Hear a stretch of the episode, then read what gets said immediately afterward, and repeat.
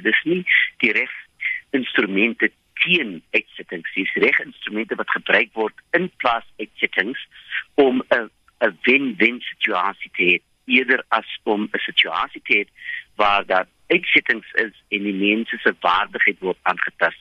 Ek dink daar is baie baie uh, plaas eienaars en land eienaars, grond eienaars wat verskillende goeie werk doen rondom wanneer daar 'n verbrokkeling kom in die verhouding tussen die plaas eienaar en die plaaswerker of nie eens verbrokkeling nie maar wanneer daar 'n oorname is deur 'n ander eienaar wat daar na mense gekyk word en dit ons baie goeie voorbeeld, voorbeelde van dit.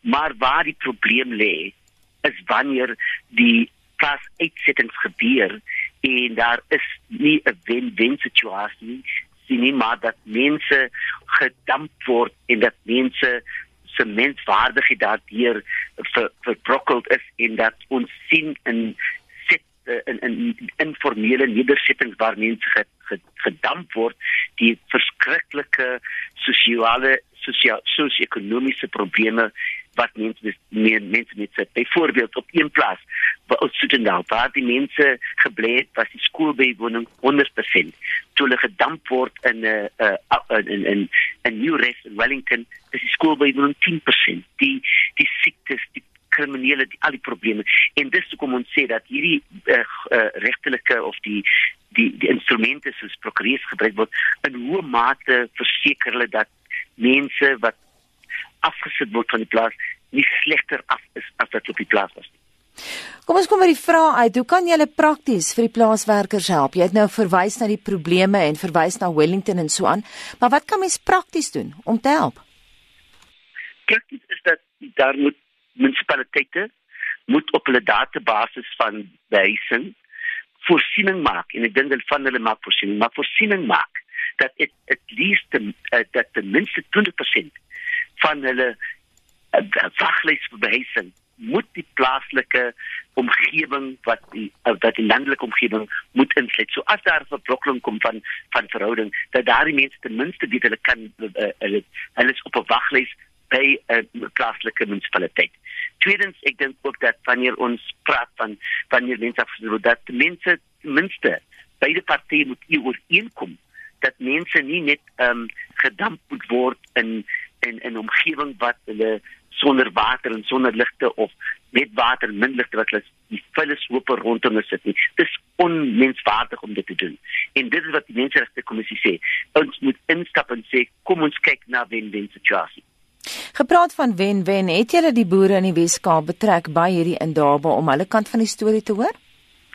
Ek is in gesprek met sekere instansies en ook met die uh, en die plaaslike minister van land en en al Fernando in ekonomiese sake gepraat en ons sal binnekort met die georganiseerde landbou daaroor praat. Intussen, wat sê hulle? Wat sê die boere? Kan jy al dit met ons deel?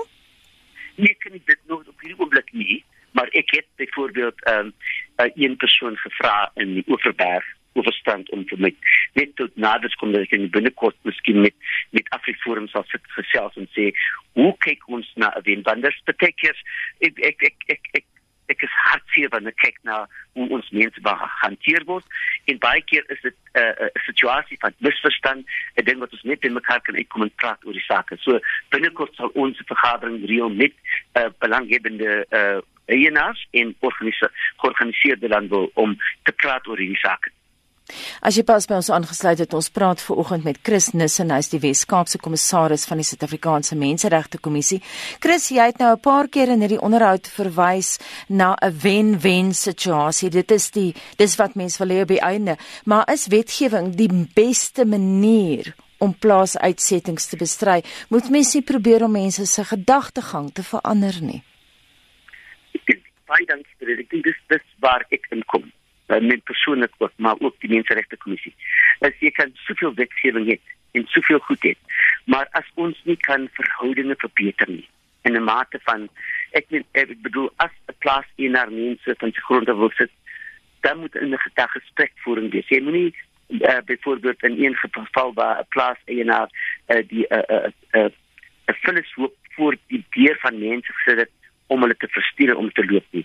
Ons kan praat oor dit. Ons die menseregte kommissie daar sê, hoe kan ons help om verhoudinge te verbeter? Want as verhoudinge verbeter, verbeter ons menseregte, verbeter en dan op dan beskerm ons op die waardigheid van mense. Maar praat, ek dink ons Suid-Afrikaners ons praat baie minder as wat as wat ons moet praat. En so die wet is daar, maar die wet natuurlik kan beide kante toe gaan. Die wet kan gaan vir die plaaseienaars, dit kan gaan vir die vir die plaaswerker. Wat belangrik is in hoe mate ons die verhouding tussen plaaswerker en plaaseienaar verbeter. Chris, is daar 'n goeie nuus storie wat jy net voor Paase met ons luisteraars kan deel? Ek ek, ek dink ehm um, jy weet die Sons Delta is 'n baie goeie nuus storie. Alhoewel daar 'n bietjie iets ding is, ek dink dit is 'n baie goeie nuus storie. Ek dink ehm um, wat ek gehoor het byvoorbeeld van plaaseienaars in die stelling van hulle in in die in die Flottenberg gebied wat natuurlik ook ehm um, daar sien 'n vrot appel maar van hulle wat byvoorbeeld huise vir mense gekoop het in in in Eerste Rivier So is van daardie wat ons wil probeer dokumenteer en sê hier is goeie nuus, hier is goeie ding. So is nie alles net sleg nie, maar die feit van die saak is dat 'n paar ouens wat net die hele sak 'n uh, uh, uh, slegte naam gee. Ek weet ook jy het gister die grondberaad in Johannesburg baie gewoon. Wil jy enige nuus daaroor met ons deel? Ja, natuurlik. Die die grondberaad het om te kyk natuurlik nie net oor uh uh uh jy weet oor oor plase nie, en, en maar oor grond in oor die hele land. En dit trek ook mense waar daar myne is byvoorbeeld. Die myne wat wat mense net van die so, op 'n subtiele manier word mense verwyder van die grond af en selfs op daardie uh, op die tradisionele leiers verkoop die grond of handig grond oor aan groot maatskappye en die mense in daardie gebied word nie geerken nie en vind niks baat by dit nie. So hulle word net verwyder hulle hulle hulle, hulle weivelde word verwyder die water word verwyder en nou sit die mense een kan omdat sekere mense dink dis 'n goeie ding maar as jy mens dink dan hoeveel daar die uh, die die die die ehm um, die die die uh, erts of die bronne binne die minerale binne na die grond is waar mense gebly het. En jy dink nou hier word net verwyder ander mense vind baat soos nie net hier op plaas en landbou nie maar dit gaan reg oor die hele land in tradisionele gebiede en en en en en en ook in in stede waar byvoorbeeld munisipaliteite ook moet betrokke word by grondhervorming. Van munisipaliteite kan net sê dat dit niks met ons te doen nie. En ek kyk nou vir al in Hermanus byvoorbeeld daar ek besig was uh, maandag waar ons gesien het en ek wil dankie sê vir Afriforum in in Hermanus vir hulle bydra tot die um, spesifiek meneer van Dalen wat gehelp het dat ons kalmte kan bring in daardie dorp. En waar die munisipaliteit geweet het hulle grond maar hulle gaan nie verseker die mense ons het grond om vir hulle huise te gee nie. En agterna om dit te erken maar die die skade sal weer gedoen. Baie dankie dit dan Chris Nissen. Hy is die Wes-Kaapse kommissaris van die Suid-Afrikaanse Menseregte Kommissie